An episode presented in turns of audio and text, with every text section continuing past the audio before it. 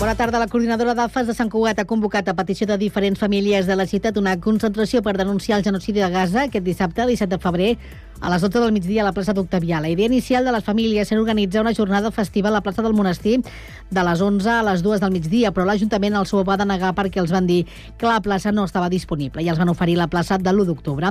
La coordinadora va preguntar tres cops per què no ho podien fer a la plaça d'Octavià i davant el silenci del consistori ha canviat de plans, tal com ha explicat Riqui Benito, representant de les famílies impulsores de l'acte. L'escoltem. Com que se'ns desplaça una altra plaça menys, menys cèntrica, menys visibilitat i entenem que no hi ha un motiu justificat, l'hem demanat tres vegades i no ens han donat, doncs optem per demanar una concentració i fer la sol·licitud a interior i, per tant, ens trobarem a les 12, no podrem fer totes les activitats que teníem previstes, però sí que, que, que ens podrem manifestar. Cugat Media ha preguntat a l'Ajuntament el motiu de la negativa a fer l'acte de la plaça d'Octavia, però encara no ha rebut resposta. La CUP porta al ple municipal de febrer una moció alternativa a la representada per Junts sobre immigració. Segons la formació, el text vol contrarrestar el viratge cap a la dreta de Junts en matèria d'immigració amb una proposta que ofereixi una mirada constructiva i inclusiva al debat. Amb aquesta intenció, la moció proposa reforçar els serveis de primera acollida, reiterar el compromís de l'Ajuntament com a ciutat acollidora i instar la Generalitat a garantir les fórmules perquè tothom que viu a Catalunya parli i entengui el català. Ja ha entrat en funcionament la nova parada de bus de la plaça de la Palleria, ubicada a la confluència de l'Avinguda de Cerdanyola amb la Rambla del Celler. Amb la instal·lació de la parada també s'ha fet una millora de l'entorn amb una rampa que garanteix l'accessibilitat i la plantació d'arbustos i arbres que generaran espais d'ombra. La parada que s'ha habilitat en el marc del projecte de remodelació del segon tram de l'Avinguda de Cerdanyola dona servei a les línies urbanes L1, L2, L8 i L9 i a les interurbanes A4 i B7. I l'Escola de Negocis CESADE ha quedat classificada com la 17a millor escola del món amb millors programes de direcció d'empreses als MBA, segons Financial Times. A l'àmbit espanyol, l'escola amb seu aquí a Sant Cugat ha quedat segona per darrere d'IES, que ha quedat cinquena al món, i davant d'IE Business, que consta en la vintena posició mundial. L'escola dels Estats Units, Wharton, de la Universitat de Pensilvània, encapçala el rànquing mundial.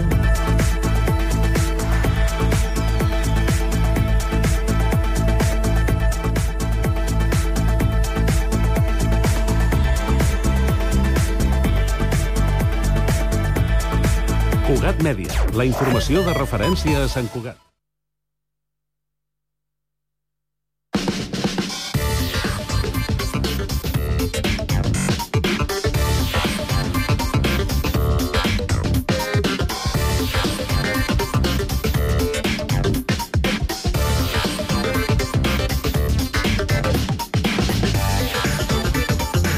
De la tarda, 3 minuts, informació de servei. Comencem pel trànsit. Marta Carbó, bona tarda.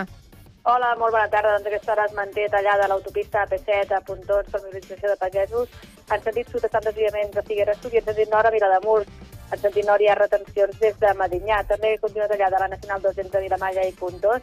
Hi ha diferents trams de cua en aquesta Nacional 2. També cues a la C31 i a la GI 123 vies properes d'aquesta zona on hi ha les manifestacions. A la mateixa demarcació de Girona també està tallada la C38 a Molló.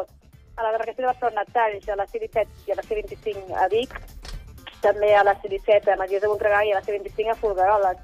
Així mateix està tallada la C37 a Manlleu en sentit sud. En aquesta zona hi ha cues a la Nacional 152 antiga entre Vic i Gurb. Abans d'això, doncs, destacar que hi ha aturades uh, habituals a l'àrea metropolitana de Barcelona, en veiem a les rondes en sentit Trinitat, també a la B30 lateral de l'autopista P7 entre Cerdanyola i Barberà en sentit nord, en sentit Girona, també a Barberà en sentit sud i per enllaçar amb la C58. I per últim, comentar-vos que també veiem retencions d'entrada a la capital catalana a la C58 entre Montcada i el Nus de la Trinitat. De moment, això és tot des de Fer Català de Trànsit. Bona tarda. Gràcies i bona tarda. Anem ara al Transmet per saber com està funcionant el transport públic. Héctor Molina, bona tarda. Tenint una jornada dimarts, la veritat que molt plàcida en quant a alteracions a la xarxa de transport públic de l'àrea metropolitana. Fins al moment podem parlar de normalitat on tots els serveis tant ferroviaris com de bus funcionen sense cap incidència destacable. Així que, de moment, això és tot des del Transmet.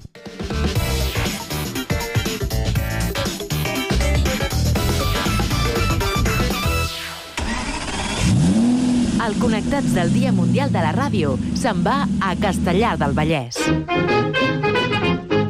Dimecres 14 de febrer, especial Connectats en directe, amb convidats radiofònics i música i públic en directe. Celebra el centenari de la ràdio amb nosaltres i segueix-nos per qualsevol de les emissores del Connectats. Ràdio Castellà, 90.1 de la FM. El Prat Ràdio, 91.6 de la FM. Ràdio Ciutat de Badalona, 94.4 de la FM. Ràdio Sabadell, 94.6 de la FM. Ràdio Municipal de Terrassa, el 95.2 de la FM. Ràdio Sant Cugat Cugat Mèdia, 91.5 FM. 4 i 3 minuts. Comença el Connectats del Dia Mundial de la Ràdio.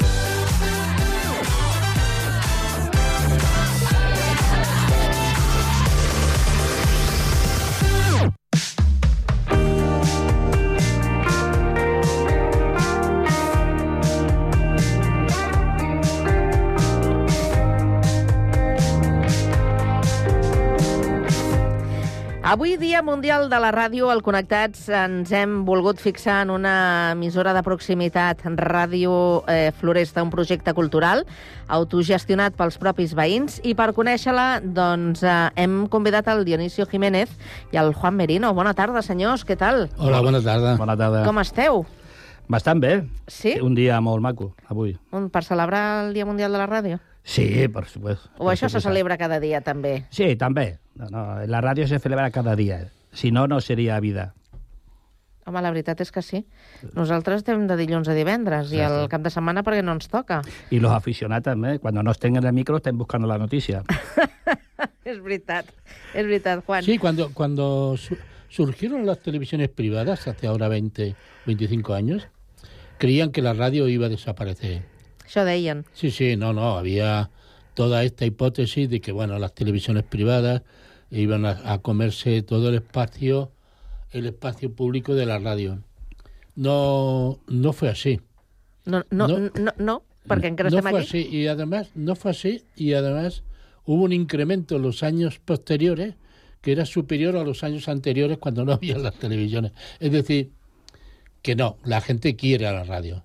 La gente quiere a la radio. Es el medio de proximidad, como tú lo has definido, el medio de proximidad más adient, ¿no? Más, más accesible y donde, desde luego, se admite el, el, el retorno, ¿no? El, el mensaje entre el, el emisor Y el receptor. y el receptor, que eso Mm. no lo tiene ninguna Sí. televisión ni tampoco la gran prensa, ¿no? Eh, y posteriormente, además, ¿no? Cuando aparece el, bueno, todo el boom del vídeo y tal, estoy hablando de hace muchos años, evidentemente, también pronosticaron que el libro desaparecería y que se convertiría en, en una es plataforma imposible, es en imposible. una plataforma digital donde la gente podía y no es verdad es decir la editorial Además- sobrevivim, Sí, sobrevivim además, a además hay que tener en cuenta una cosa, que la televisión siempre arriba a las noticias. Las noticias las dona la radio. La noticia de veritat la dona la radio. A no ser que en una tertulia, en la televisión, un señor que esté allí suelte una de las suyas. ¿no? Mm. Entonces, noticia al momento. Pero normalmente es la radio la que está donant la noticia. pero no es no es el Per què no parlem de Ràdio La Floresta? No, que si no, ah, que sí, si també, no. clar. Home, sí, Dia Mundial de la Pues Dionisio. no, sí, porque no es, el objetivo de, de la radio no tiene que ser la información inmediata necesariamente. Mm. Hombre, mejor, sí, claro, no. És una, ¿Eh? és una de les missions. Es una de las misiones, pero no, no es fundamental, no es como, yo qué sé, el rojo vivo, ni es la, la noticia de tal, sino que es la es la participación, el estar incluida dentro del Es de- de- acompa- dentro del barrio o dentro de la ciudad donde es del entramado, del entramado social del barrio, Claro. que es lo que hacemos en Radio La Floresta. Ah, es lo que hacemos en Radio. La Floresta. ¿eh? Aquí es la tema. participación de los grupos que hay allá, como la gent gran, lo- la, la juventud que hay allá, pues te- siempre a la noticia. Todo lo que surge allá, pues allí está. Sí, pero también, pero también esta emisora donde estamos, en Radio San Cugat, ¿no? Es decir, cuando uno vive en una ciudad, quiere saber cosas de la ciudad, la historia de la ciudad, la participación política de la ciudad, las actividades culturales, etcétera, etcétera. Y esto solo te lo da la radio. Mm. No, no, no, no hay... Ràdio La Floresta porta 12 anys Sí. emitint. Expliqueu-me com, com, com apareix Ràdio La, la Floresta en la vostra comunitat. Bien, los últimos La Montillo, personalmente. Mm. ¿eh? Es decir, he de decirlo así, porque es verdad. Porque los últimos años de, de mi vida profesional como periodista, yo los pasé en Onda Cero y en Onda Rambla, con Luis del Olmo. Y allí hacía dos programas que nocturnos, uno era nocturno, se llamaba La Dama de Noche, y otro la de qué hablamos cuando hablamos. Eh, para mí fue conocer la, yo vengo del mundo del reportaje básicamente no aunque trabajé en Antena 3 Televisión en, en los periódicos etcétera pero descubrir la radio fue para mí un fenómeno absolutamente inaudito y además fantástico no porque ya ya no hay redactores jefes ya, ya no hay el, el coordinador del área. Ya no hay que si no entregas eh, a la medianoche, pues eh, la bronca es, es fenomenal. Ya no hay la competencia brutal entre los otros medios de comunicación tan característicos cuando vas de enviado especial a algún sitio. Te digo, tío, que no te estás enterando, que eso ya lo ha dado el periódico de Cataluña. Tal. Hi ha una mica de cafè per tothom. Era no? otro sí. ámbito, era otro ámbito, ¿no? Y entonces cuando me perjubilé, monté la radio de la Floresta, de eso hace pues dos, 13 años, 12 o 13 años. Uh -huh. I ara parlarem una mica de, de com ha anat a evolucionant. Ara mateix esteu amatent, jo us preguntava, sou una, una emissora, no, no hem de pensar en una emissora a, a, a l'ús, sinó que vosaltres el que feu és emissió per internet. Ahora sí, sí desde hace unos años. Però havíeu tingut eh, eh, llicència per emetre? Estàveu emetent... Eh... No, cuando teníamos... Eh, cuando, bueno, es que si no, no sería libre, ¿no? Es decir, la Radio Floresta nació con el espíritu de ser una emisora libre independientemente de, de la administración, ¿no? Eh, bueno, pues era también un poco el boom de las emisoras locales no regladas. Entonces, hombre, nosotros no nos decíamos emisora pirata, nos decíamos emisora no reglada.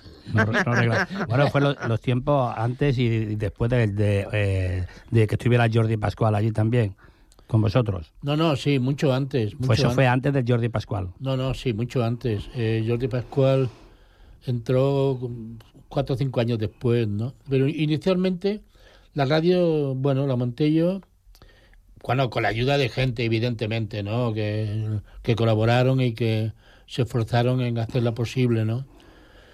Pero tiene ese origen, es decir, yo los últimos años los pasé en la radio, eh, la experiencia fue para mí algo vital, me pareció fantástico. ¿Te, te atrapó?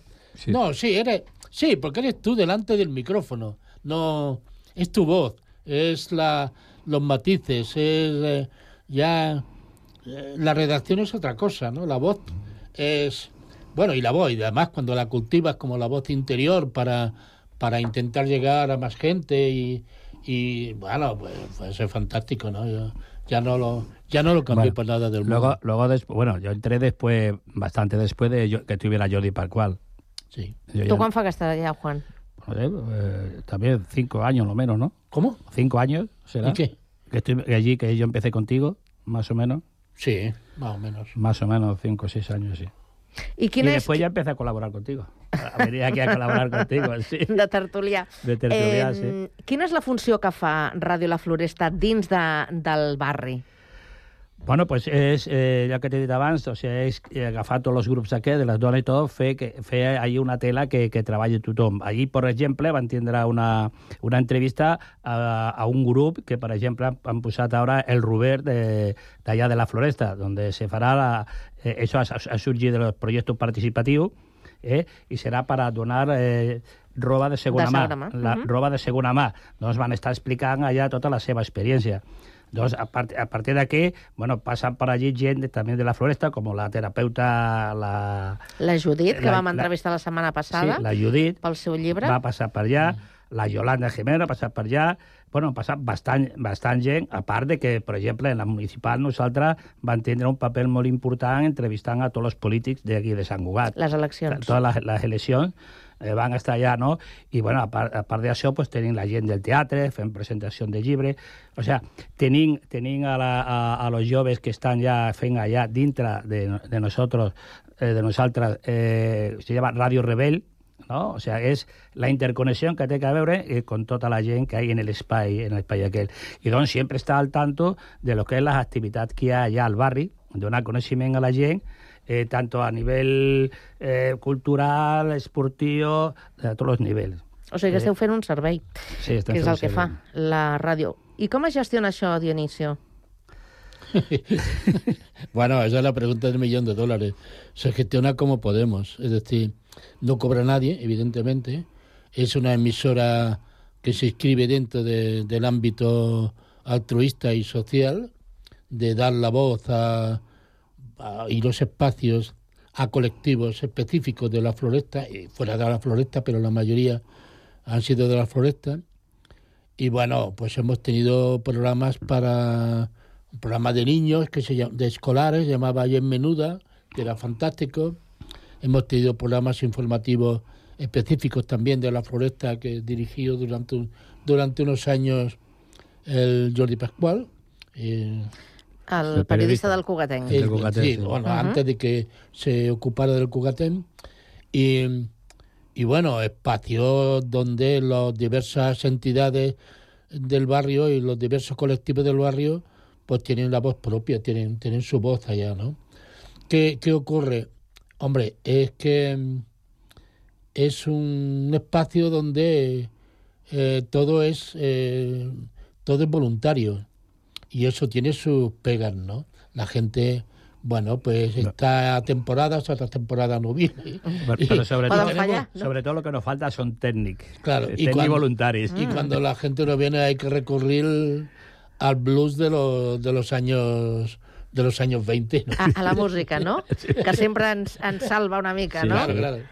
Sí, no, però és, és molt interessant perquè eh, va descobrir... Ara hi ha un, un programa que l'està que, que l'està fent una companya de, que ja és gran, la Diana, està fent eh, per a la gent gran, Mm. no? entrevistant a, a la gent gran, eh, com es diu, Esta su vida o algo así. Va, va agafar, i on explica... Històries personals. Sí, històries personals totes, que és molt interessant perquè hi ha molta gent que se queda i diu, ostres, pero fulanita es así. Oh, pues yo esto lo desconocía. O sea, es una cosa que es muy interesante porque se va pasando de gent en gent, se van O sigui, passant... teniu, rebeu el feedback de, de la gent de la floresta? És a dir, que han escoltat, ara estava parlant el Sí. Juan, no? Eh, la gent us diu, "Mm, hem escoltat això... Eh, hem... Sí, sí. Sí? No, Sí, no, que- y además es muy... Hombre, es, está muy bien, ¿no? Que la gente vea en la radio un medio de comunicación libre donde puedan expresarse tranquilamente y que sean del barrio. Bueno, eso es fantástico, No, ¿no? no. Ojalá estuviera no. una emisora en cada barrio, Sí. ¿no? Normal, normalment, eh, cuando entrevistem a algú o eso, eh, quan estem con algú, ja le donen el, el, el enllaç, no? el link, ella, eh, per el teu grup és, eh, és pues, pásalo, pásalo a tothom perquè l'escolti. No, no, i se passa i tota la gent està pendent, està tothom pendent. Ara, ara eh, demà, precisament, se fa una, una actuació de teatre allà, Mm. a, a l'Espai més 60, que està, bueno, està molt mismo lloc que la ràdio, i bueno, aquesta, aquesta xica que va vindre un grup d'allà de teatre de la Floresta, que no lo conoce només que allà a la Floresta, bueno, ostres, se va passar el link enseguida tota la gent, i estan trucant, sí, sí, que està molt content. Claro, yo no sé si tú conoces el famoso programa El bastón del merino. El tinc aquí apuntat, però em, son, em, em sona, no l'he escoltat encara. Pero no se habla de otra cosa. Eh, No, quanta, quanta, ara en parlem. Eh, quanta gent participa amb vosaltres? Pues fluctúa, eh, está en función de los programas que la gente quiera hacer y que siempre a lo, a lo largo del año varía. Hay algunos que son, bueno, pues son clásicos en la Radio Floresta.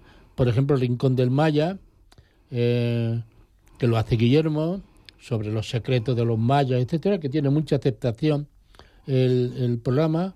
Luego, desde luego, el, el- el espacio de la República, que... Qui el fa aquest? El Palacio de la República lo hacemos los, los más veteranos, del, obviamente, de la, de la emisora. Y, el- y bien, ¿no? Luego hay el- un programa nuevo, bueno, nuevo, relativamente nuevo, que se llama Visca la Terra. El programa que decía... El cultural, sí. Que decía Merino, el, Esta es tu vida, Sí. que es la... Persones grans, no? sí, bueno, es coger la, el, el itinerario vital de las personas, claro que son ya mayores y muy mayores, porque e, es, es interesante ver que la, la noticia no está tanto en la en, la, en una gran exposición de, de po- política o ideológica o, o de contenido, sino que a veces eh, mucha gente que con las que estamos cada día y que no dicen nada y que van haciendo su historia tienen una, una, una vida detrás Claro. impresionante, ¿no? Sí, que sí. si no la conoce, si no lo, lo pilla una radio eh, pues como la nuestra o como la o, o que tiene- estamos no te- aquí, no tienen cabuda, pues no, pues no, no tiene cabida, ¿no? Sin embargo, te- nos, nos quedamos alucinados de las Home, historias. ¿no? jo t'he de dir que jo busco històries, eh? I aquí al Connectats eh, ens agrada precisament eh, trobar aquells perfils d'aquelles persones que tenen una història, perquè tothom té una història al darrere, tothom. Sí. Tothom té una història. I el que ens agrada és trobar aquestes persones i que vinguin a, a Sí. compartir-la A la, a la amb hi ha molta gent molt interessant. Sí, sí. El bastón del merino. Sí. Què fas amb el bastón del merino? Bueno, el bastón del merino... Pues, De què parles? Bueno, eh, parlo del, del tema, per exemple, el, el tema de, que vam parlar allí, ahir, el tema de la política, eh, el tema, de, per exemple, de, la, de les escoles, que, que són importants. Eh, lo que Però toca, temes locals. Sí, tema local, lo que toca. O sea, lo que toca, o sea, todo lo, todo lo que toque lo que es el, el tema el tema local, Ujú. eh, la, con el Sengral Cultural, toda, todos los grupos aquests, eh, trato, trato, o sea, ese, ese, el sport, ¿no? Que, que claro, cada, cada vegada que hi ha problemes, eh, i la floresta hi ha molts problemes, entrevisto, lògicament, a gent eh, de l'estructura municipal també, eh, eh, explicant els problemes que hi ha a la floresta i les solucions que nos puede donar. Eh, bueno, és, és interessant, però jo vull més en l'aspecte, moltes vegades en l'aspecte polític, no? En l'aspecte polític... Eh, El que a tu t'agrada. El que a tu t'agrada. No, bueno, però, però de les persones i de los grups també és, és, és molt interessant. Uh eh, el Dionisio té una història. Sí. I el Dionisio, doncs, un dia el convidarem, una mica més de temps, i que ens expliqui la seva història.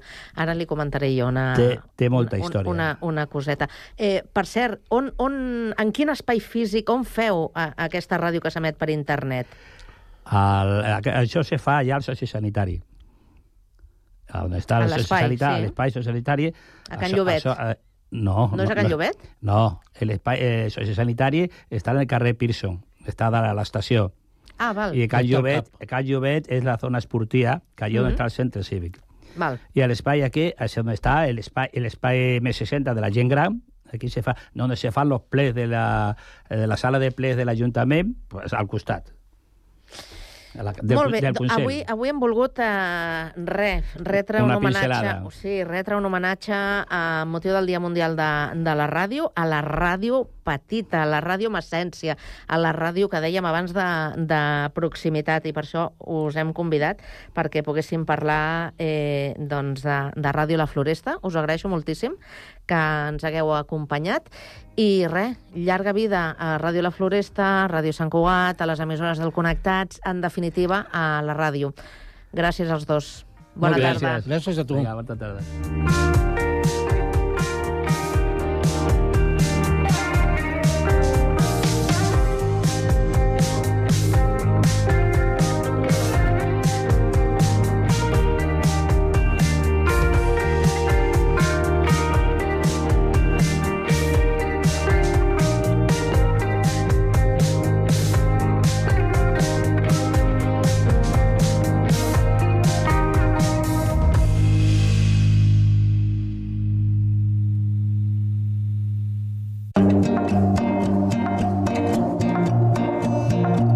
Bocabadats. Aquest podcast és una producció de Ràdio Sabadell. La Plataforma per la Llengua denuncia que el govern espanyol ha promulgat eh, dos centenars de normatives que continuen mantenint discriminada la llengua catalana durant l'any 2023. Ho descobrim en aquesta producció de Ràdio Sabadell amb la veu de Pau Duran. La promoció i difusió de la cultura només en espanyol és el tema que preocupa a la Plataforma per la Llengua. Per això parlem amb la seva directora, la Ruth Carandell. Gràcies per atendre'ns. Hola, bona tarda. Bona tarda. Quin és l'estudi ben bé? A quines dades heu arribat per, per mm, deduir que això era un tema preocupant? Bé, nosaltres cada any eh, traiem un informe eh, analitzant les lleis o les normatives que van en contra del català, que es poden fer des de diferents governs, des del govern espanyol, des d'un govern autonòmic o també des de les pròpies institucions europees. Per tant, eh, sistemàticament heu de pensar que cada dia tenim una persona de la plataforma, un tècnic que es dedica a fer el buidatge de totes aquestes normatives, a plegar-les i després les analitzem. I aquest any, doncs, eh, fins al darrer quadrimestre, doncs, teníem eh, ja 150 normes que complien, doncs, eh, malauradament, eh, aquesta, aqu- aquesta vulneració de la llengua catalana com a llengua amb igualtat de drets en d'altres, en diferents àmbits, i en l'últim espai d'any doncs hem tingut eh, vora eh, 42 eh, normes diferents que han fet aquesta vulneració també, però que en aquest cas resulta que, eh, com que eren les normes que constituïen el nou govern de l'Estat, són les normes que han decidit tot un seguit d'actuacions d'organitzatius a nivell de ministeris i unes altres d'ajuts eh, europeus eh, per rellençar l'economia i la cultura, on el castellà ha passat en primer terme i té una supremacia, i en canvi el català i altres llengües de l'Estat, eh, que no són oficials a tot el territori, sinó en una part del territori, doncs eh, queden molt, molt bandejades. Clar, perquè l- vull que ens fixem en l'aspecte numèric, però clar, després també haurem de, de fixar-nos en el qualitatiu, perquè no serà el mateix una norma mm, rasa, diguem, que una directiva que després permet desenvolupar moltes més coses i eh, repartir molts més diners en el cas que hi hagi assignacions. Però pel que fa a l'aspecte eh, quantitatiu, és un nombre, aquests eh, 192 eh, normatives del 2023, és un, norma, un, un nombre igual, menor, superior al dels anys anteriors? Diguem que malauradament es manté bastant constant tot això. El que passa que ens ha sorprès que sent un govern en principi més sensible, no? perquè és en aquest darrere part de l'any, eh, aquest, aquest govern doncs, és el govern que per primer cop doncs, ha, ha permès no? que, que, per exemple, sempre deien que era impossible, que legislativament no es podia fer, doncs que el català es pogués emprar en el Parlament espanyol, en el Congrés, ara sí, no? que aquest mateix govern sí el que després, quan és hora d'aterrar a terra doncs, l'ús eh, dels diners per la cultura i per la defensa de les llengües i sobretot per les noves tecnologies aplicades a les llengües, doncs continua prioritzant l'espanyol i, i aquí ja no és tant un tema de número de normes com de número de diners. És a dir, aquí, eh, per exemple, una d'aquestes normes eh, a través de l'Aliança per a la Nova Economia de la Llengua que, que estableix l'Estat, eh, en un PERTE, que és un programa doncs, per assignar-hi eh, contingut econòmic, doncs, eh, parla de cinc eixos estratègics per desenvolupar aquesta nova economia de la llengua i en dos eixos només es pot eh, desviar recursos cap a altres llengües que no siguin l'espanyol o, o el castellà. Eh, en canvi, els altres tres eixos són exclusivament per, per l'espanyol. Aquests eixos són el coneixement en espanyol i llengües cooficials. Aquí podria haver-hi marge perquè hi hagués diners per les llengües eh, cooficials que no siguin l'espanyol. Intel·ligència artificial en espanyol, per tant, només pot treballar-se intel·ligència artificial en espanyol amb recursos de l'Estat. Ciència en espanyol, és a dir, es veu que no es pot haver-hi ciència en cap altre idioma. Aprenentatge en espanyol, sí que aquí eh, hi ha tot, també molts diners abocats aquí que no es poden fer servir en altres llengües. I indústries culturals, aquí sí que queda ampli, eh, però eh, quan anem a veure els diners en concret, de, dels 1.100 milions d'euros destinats al PERTE, 1.070 milions són bàsicament pel castellà, el 97,3%, i només 30 milions són per altres llengües, que això suposa el 2,7%. És a dir, que eh, aquí el que ens preocupa ja no és només el número de, de disposicions, sinó eh, el número de recursos que impliquen aquestes disposicions i, i, i les mancances que implica.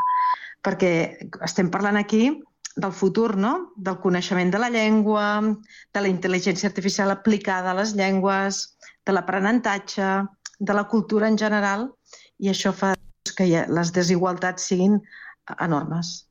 Home, és abismal, no?, del 97,3 al 2,7, sí. Eh, per dir, com a repartiment sí. molt equitatiu sí. no seria. Però m'agradaria que ens fixéssim en un parell d'exemples, de, perquè, clar, eh, aquí el que ens estàs dient tu, Ruth, és d'això, que de fet eh, la llengua apareix en segon terme perquè no deixa de ser una dinamització de la nova economia, no?, de com s'han donat a través d'aquest eh, PERTE que ens explicaves de transformació econòmica aquests diners.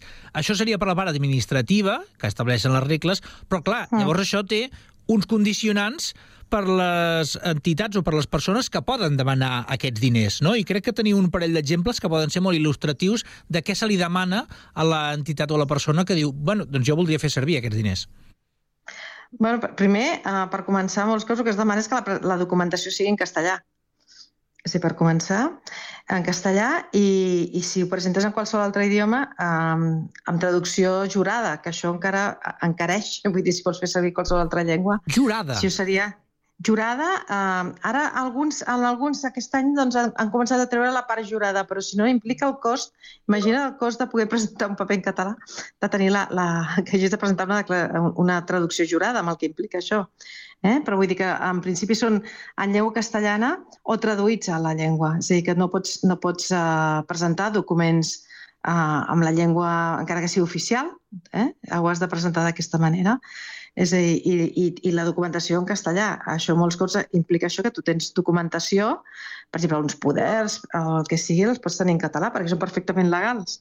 Però ells t'obliguen doncs, a tenir-ho d'aquesta manera. Parlem, per exemple, de subvencions a, a despeses de les fundacions de, dels partits. Per exemple, sí. I amb això, clar, implica eh, que el dia a dia d'una fundació que estigui aquí per aquest tipus de situacions o per estudiants o per qui sigui, no? que es vulgui presentar subvencions, etc, eh, pensi que ja no li convé tenir els documents en català o encara que, va, que sigui perfectament legal, sinó que sempre estigui pensant doncs, que ja no és ús. Eh, no, és, no és necessari no? tenir-ho d'aquesta manera perquè li portarà incomoditats. No? I això entra dins una estratègia en el que es juga doncs, en què la llengua necessària doncs, sempre és una, que és l'espanyol, és una visió supremacista no, de la llengua, i les altres doncs, no, no calen. Eh, i, I això no és només el marc normatiu, perquè és, és veritat que la, que la Constitució espanyola doncs, diu que hi ha una, una llengua no? que és, és la comuna i la que és oficial a tot el territori i que tots tenim el, el, el dret a fer-la servir i el deure a conèixer-la, eh, però també hi ha unes altres llengües no? que són oficials en parts del territori, però que tenen, ja no, aquesta no, ja no tens el, el deure a conèixer-la. No? Per tant, ja parteix d'un desavantatge al que és la Constitució, però és cert que aquest marc podria, eh, si no fos per aquestes normatives limitatives que fan, podria eh, aixecar molt més el sostre. I és els mateixos governs doncs, els que el, el, van, el van reduint i van fent doncs, que això que minoritzant les, el, les llengües perquè al final eh, fer servir doncs, les llengües que no són oficials en tot el territori doncs esdevingui un problema, perquè tenen aquesta visió mm, supremacista. Deies que una de les primeres eh, normes que havia mm, tingut un impacte gros per tot el que s'havia de desenvolupar després era, per exemple, doncs, el Reial Decret on s'establien missions com la del Ministeri de Cultura, no? en promoció i difusió de la cultura en espanyol. Clar, tot això va associat, per exemple, el comissionat especial per l'Aliança eh, per la Nova Economia que deies, o una direcció general de l'espanyol al món, de l'idioma. És aquesta idea que, que les altres llengües no, no representen l'Estat i que no s'han de fer polítiques públiques i que l'Estat no, eh, només està per defensar una sola llengua. Eh, i, I com deia el que deia abans, és a dir, sorprèn no? un, un, un govern que està fent doncs, que, que el Congrés eh, canvi des del punt de vista lingüístic, eh, després el que és l'estratègia del dia a dia, les polítiques públiques de l'organització del govern i de la representació cara en fora i, i l'àmbit simbòlic de les llengües, això no s'ho apliqui. I, I el mateix dia doncs, que fa aquests reial decrets i que en canvi està constituint no, el, el nou Congrés, doncs, mantingui el que ja havia fet altres anys, com el 2020. És a dir, no, és, no són coses excepcionals respecte al que havia fet abans.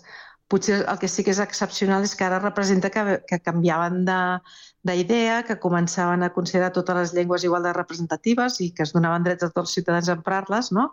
als òrgans eh, representatius, però en canvi el que és l'organització, és a dir, allò que és de pedra picada, el govern i els ministeris, doncs continuen amb aquesta mateixa política. M'ha sobtat també que abans ens deies que el, que d'alguna manera el, s'havia mantingut estable el, el nombre de normatives que d'alguna manera discriminaven el català i la resta de llengües de l'Estat que no són el castellà, però, clar, eh, aquest govern espanyol va estar bastants mesos en funcions. Eh, sí, sí, sí, sí, sí. És a dir, el que, el que vull dir és que eh, a vegades eh, hi ha normatives que venen de la Unió Europea no? eh, i donen pes a les llengües en tant que oficials dins els territoris. Llavors, quan es transposen a, a, al govern espanyol, doncs directament, evidentment, treuen ja les llengües cooficials o les llengües eh, oficials en una part, no?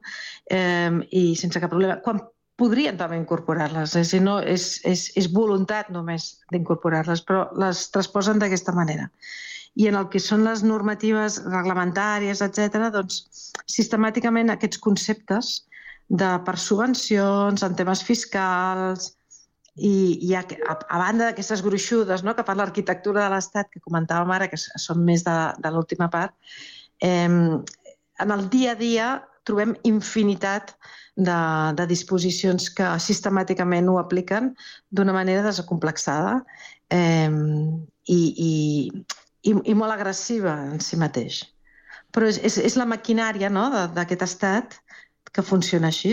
Uh, però el que ens ha sorprès doncs, és quan representa que volen fer els deures i fer les coses bé eh, i estableixen doncs, l'arquitectura de funcionament dels ministeris ho arrosseguen exactament igual. I això és, creiem que és producte d'una doncs, ideologia discriminatòria que, que contamina tota l'obra tota de govern i a vegades ja no és tant si un govern és més o menys sensible, sinó que és la pròpia estructura de l'Estat eh, que, que està funcionant d'aquesta manera. Sempre hi ha aquest reconeixement desigual entre les llengües i sempre al final és una injustícia envers els parlants. I, i finalment podem parlar doncs, de que hi ha una intervenció estatal en la minorització del català. Doncs haurem de continuar-ne vigilants. Ruth Carandell, directora de la Plataforma per la Llengua, gràcies per atendre'ns. A vosaltres, moltes gràcies.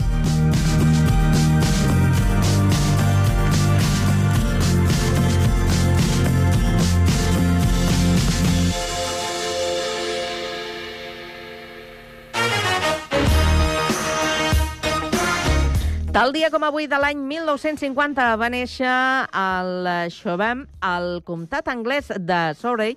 El compositor, músic i activista Peter Gabriel es va fer famós com a cantant solista i flautista del grup de rock progressiu Genesis. La seva carrera posterior en solitari es va anar fent gran a cop de discos de platí multiplicats per 3 i per 5, arribant a guanyar 9 premis MTV amb l'àlbum que es titula com aquesta cançó, Sledgehammer. could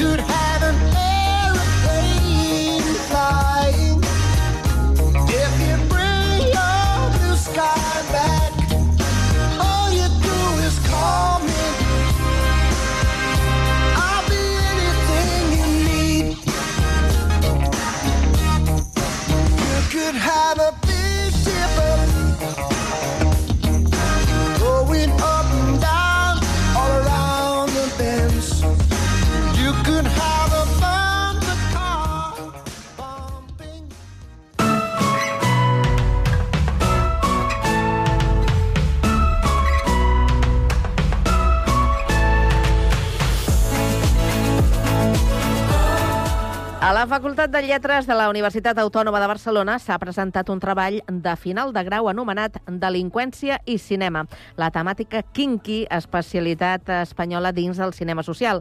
Pau Duran, bona tarda de nou. Bona què, tarda, doncs què ens pots explicar? El Quirze Casablanques, que el tenim assegut a l'estudi. Gràcies per venir, Quirze. Gràcies a vosaltres per rebre'm. Com et va venir aquest interès pel cinema kinky? Bé, interès pel cinema més o menys sempre n'he tingut. Eh, mm, N'he tingut sobre el cinema social. I jo volia fer un treball sobre cinema social, però eh, això és, un, és una tasca ingent. És molt, és molt gros. Això és una cosa de, de, de molt més calat que el que es demanava per un treball de final de grau. El, a quin grau està, has estat estudiant? Perquè ho puc dir en passat ja, no? Sí, esclar, ara sí. Eh, Humanitats. El grau, el grau en Humanitats, a la, Universitat Autònoma. I com vas decidir de dir, ah, doncs mira, de, de tot el que podria fer, em fixaré especialment en alguna cosa de cinema? Mm, a veure, sobre cinema mm, ja ho tenia decidit, que quan fes un treball d'aquest tipus intentaria fer alguna cosa sobre cinema. Ja dic, pensava cinema social, mm, però eh, jo mateix em donava compte i sobretot una professora em va dir cuidado que això, això és un paquet, però un paquet, cinema social. Acota-lo una mica. Llavors, doncs, bueno, hi ha un cinema social que és el cinema kinky, que és una, un cinema que s'ha fet a Espanya, diguéssim, no? o que es va fer a Espanya i que algú li volia trobar sense èxit un, un contacte amb el, amb el, perdó, amb el neorealisme italià mm, no se'n van sortir els que van intentar eh, compaginar-ho amb això perquè és una cosa completament diferent. Va, doncs anem per parts. Explica'ns d'entrada eh, què és el cinema kinky. Bé, eh, o sigui, en el corpus del treball va ser analitzar tota una sèrie de pel·lícules que entren dintre d'aquesta denominació que més o menys explicaré, però mm, començo per dir que les coses tenen una, una causa i, i, i tenen una conseqüència. El corpus és l'anàlisi de les pel·lícules, però esclar, he d'explicar què passava a Espanya en aquella època, Vinga. perquè és... du- Sí, eh, passava doncs que, a veure, hi havia, hi havia gent molt desfavorida, n'hi continua havent, que aquesta és una mica la conseqüència, que llavors, doncs, eh, eh, es van dedicar al petit i a la llarga no tan petit delicte per poder subsistir. Per exemple, el kinky és aquella persona que treballava amb objectes de llauna, que reparava eh, cossis, tupins i gibrells, que deien, en, que deien cap a la banda de Lleida. Quincalla, no? De quincalla, sí, sí, d'aquí sí, kinky. Sí, sí, sí, sí, sí. D'aquí, de quincalla, que precisament és una paraula d'origen francès. Eh, aleshores, doncs, eh, eh, aquesta gent, aquesta professió no els hi donava per la subsistència, ni molt menys, i, i llavors, doncs, queien en el petit, i ja dic, a la llarga, no tan petit delicte, amb el qual em, sempre acabaven detinguts, i llavors es passaven per robar tres pomes, es passaven tres mesos a la presó, a poma per mes o a més per poma, vull dir, cosa que, que era absolutament exagerada. Però això ja rentava la cara a l'estament policial, perquè ells ja se'n cuidaven, saps? T'empresonaven gent que, que simplement era pobra gent, no? Aleshores, a partir d'aquí, la indústria cinematogràfica se li va acudir que això era un tema per fer pel·lícules mm, i algú més aviat se li va acudir que això era un tema per fer diners, o sigui, per fer pel·lícules de molta taquilla, però de poc interès artístic. Mm, podem posar el dit acusador, podem posar exemples de dir, per Sí. exemple, aquesta. Sí, o sigui, a veure, començaré per l'exemple contrari. Eh, Carlos Saura va fer un parell de pel·lícules sobre aquest tema amb un verdader interès artístic, inclús et diria que acadèmic. José Antonio de la Loma, que era un home de coneixement i de cultura, simplement eh, va anar a saco a dir fem una pel·lícula en tres, en tres setmanes, o sigui, rodem en tres setmanes i comencem a vendre entrades. Vull dir, aquesta és la diferència, en, en més casos inclús, que, que hi ha hagut en el, en el tema del, del cinema kinky. En quin títol estàs pensant? Uh, Saura en va fer dues. Um, va fer Los Golfos abans d'època, però va fer una pel·lícula sobre aquest tipus de tema, i després va fer Deprisa, Deprisa, que va, es va endur l'Os d'Or a, a Berlín. Mm, bueno, eh, llavors eh, tenim... O sigui, en l'altra vorera dèiem José Antonio de la Loma, doncs, eh, la trilogia de Perros Callejeros, Jo el Vaquilla, aquestes pel·lícules aviam, hem de diferenciar jo el Vaquilla per una qüestió, però eh, aquestes pel·lícules anaven, anaven més a saco, més allò que dèiem abans de la, de la taquilla fàcil. També va haver-hi Eloi de la Iglesia, però Eloi de la Iglesia era més fi. Ah, i he dit que s'ha de diferenciar jo el Vaquilla, perquè jo el Vaquilla gairebé se li pot donar la categoria de, de documental, perquè es va basar en un diàleg, que no una entrevista, però un, un diàleg del Vaquilla amb el periodista Xavier Vinader, de gran record per mi concretament i per, vaja, crec que per tota la gent de, del país. No? I de fet tenim un model seu en exacte, un centre cívic de exacte, Sabadell. Sí, sí. Exacte. I es dona el cas que jo vaig fer batxillerat amb el Vinader. Ah, sí? Éreu companys de, de pupitre, com aquell que diu. Home, de pupitre no, perquè ell començava amb B baixa i jo començava amb C, no? Però sí, sí, companys de, de, de batxillerat. Molt bé. El, també el, el, ens has dit abans, que el que m'he quedat també dir, aquesta li haig de fer, que eh, algú va intentar relacionar el cinema kinky amb el neorealisme italià. Mm. Com es pot argumentar que aquest, aquesta connexió no era possible? Mm, a veure, eh, no era possible, no era possible perquè el neorealisme italià buscava gent que resolien els seus problemes treballant com burros per feines mal eh, mal remunerades, etc etc. O sigui, i, i, i, el, i el cinema quinqui es relacionava amb gent que delinquia. Simplement vull dir aquesta divisòria molt marcada per exemple, no sé, a Rosa Marc, no?, de l'Anna Magnani, seria Exacte, per... un dels títols de gent que sí. està allà deixant-se a les banyes... Sí, o, o, el lladre de bicicletes, no?, que al fi al cap un dia va robar una bicicleta perquè ja estava tip de que el perjudiquessin i, i se la va carregar per tots els que havien perjudicat amb ell, no? Uh, M'agradaria que escoltéssim un, un tros no, d'una escena per, sí. per poder il·lustrar sonorament això que ens expliques mm. i uh, has triat una escena de l'estanquera de Vallecas. Situa'ns. Mm.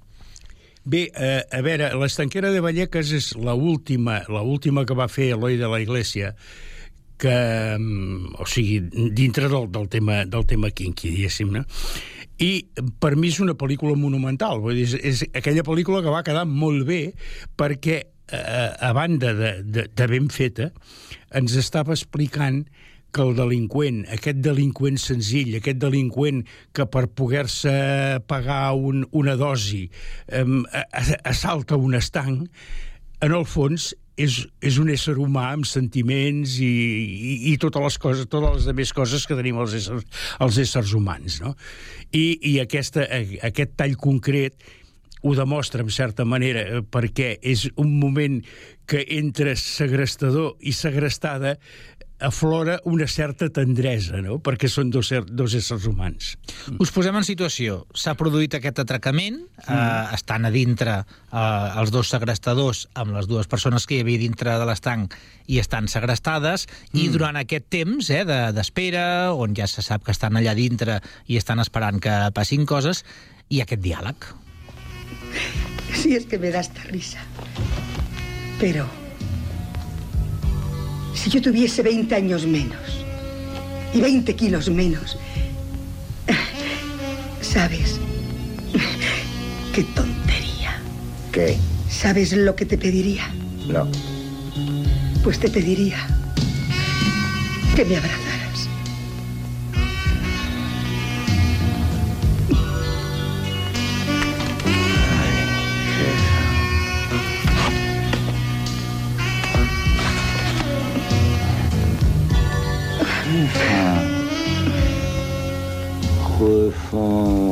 Quita, tonto, quita.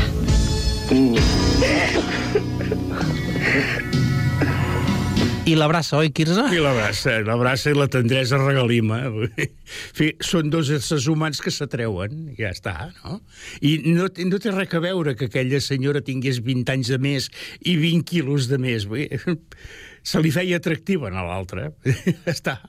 Aquest seria el, el, el cinema kinky bo, diguem-li, no? Sí, sí. Sí, perquè aquests, aquests van, van, van assaltar un estanc i el que volien endur-se els diners que hi havia a caixa i no volien fer mal a ningú. No, ni, ni volien prendre mal a ells, eh? Simplement era això, no? Una referència mm, molt destacada i que us recomanem que a la que pugueu, si és que no ho heu fet ja alguna vegada, perquè la pel·lícula també és que té uns anys, mm. eh, val molt la pena, realment. Mm. Um, més o menys t'atreviries a dir quin període abasta el cinema kinky, allò per dir, més o menys... Eh, eh, o sigui, tinguem en compte que el cinema kinky eh, neix una mica amb la Constitució espanyola.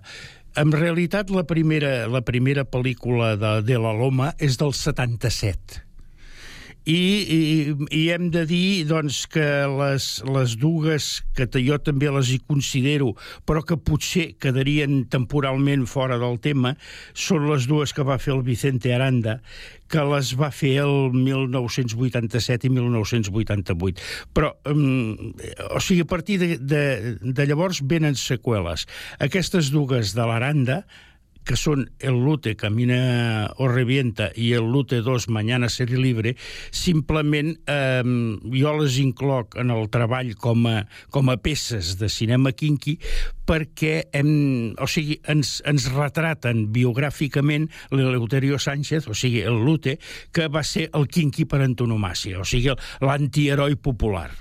En no sé què en penses, a mi aquestes recordo fins veure-les al cinema i aquestes em van agradar molt. Mm, sí, sí, sí. No, no, no, a veure, que, aquestes, cuidado, aquí, aquí ja vam fugir de l'actor no professional, vam anar a buscar precisament actors professionals i de gran calat, eh, tenim la Pastora Vega i l'Imanol Arias, doncs que fan uns...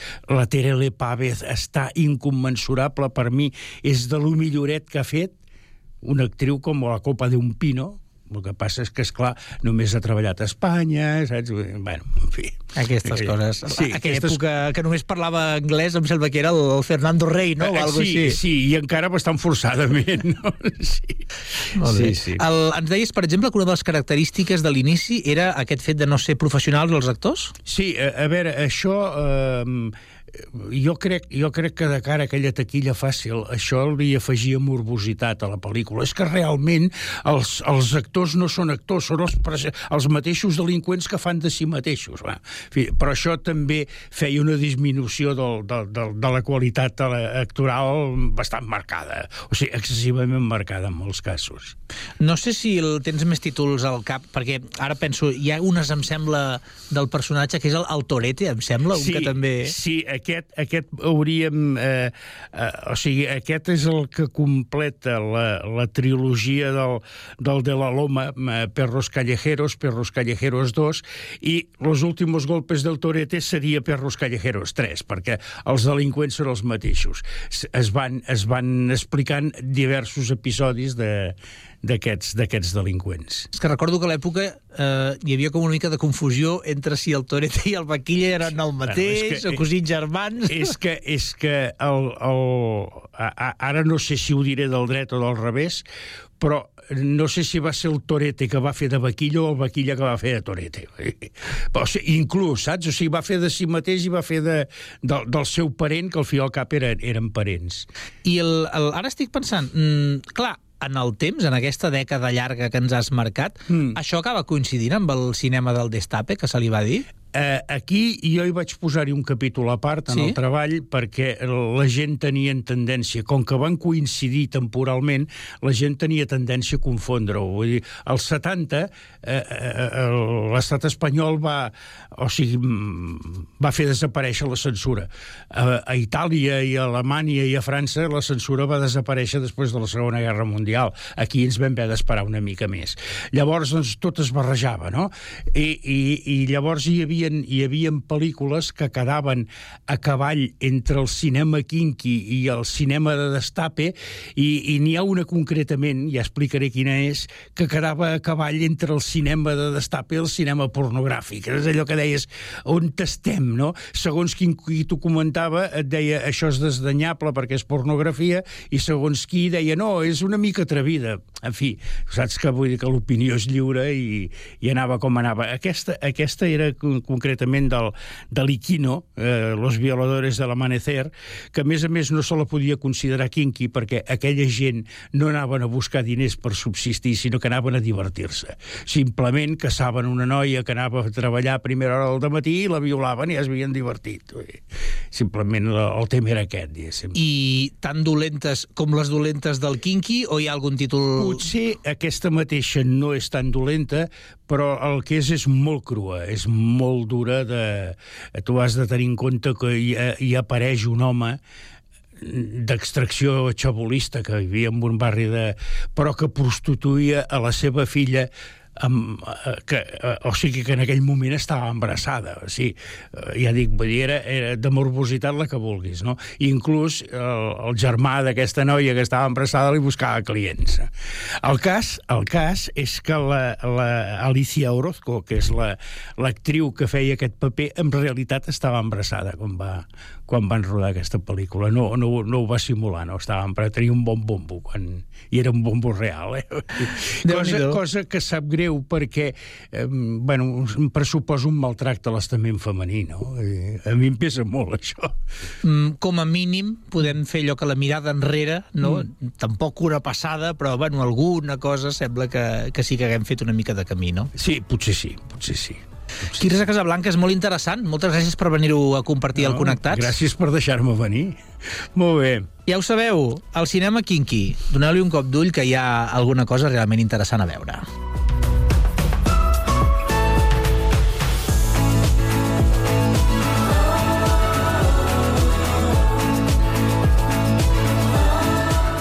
Molt bé, doncs amb el cinema Kinky i aquesta explicació que ens ha fet el Quirze Casablanques des de Sabadell.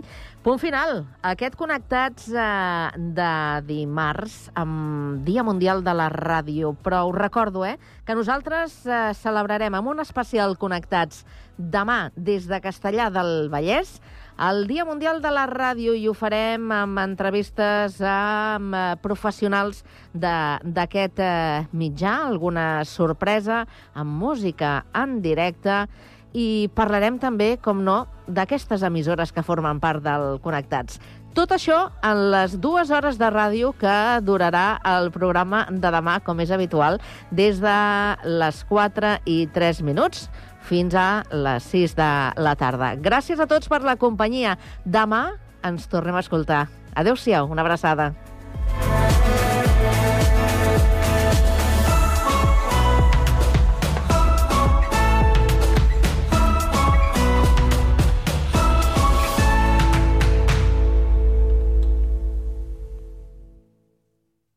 Música en català a Ràdio Sant Cugat. Cau, tot gira i cau, no pots evitar. La vida es capgira en tan sols un instant, saps que el ritme és constant. Fes un pas endavant, deixa d'obsessionar-te,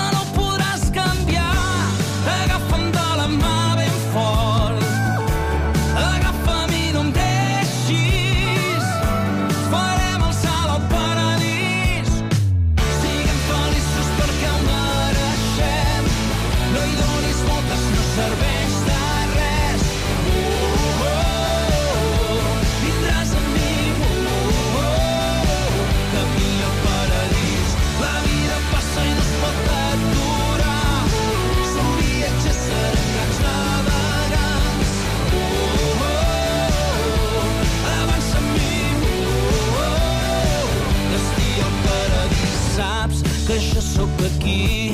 Si et cal un amic jo et faré somriure et vull feliç. Som instants en el temps però ens volem eterns. Un esclat d'energia en moviment. Agafa'm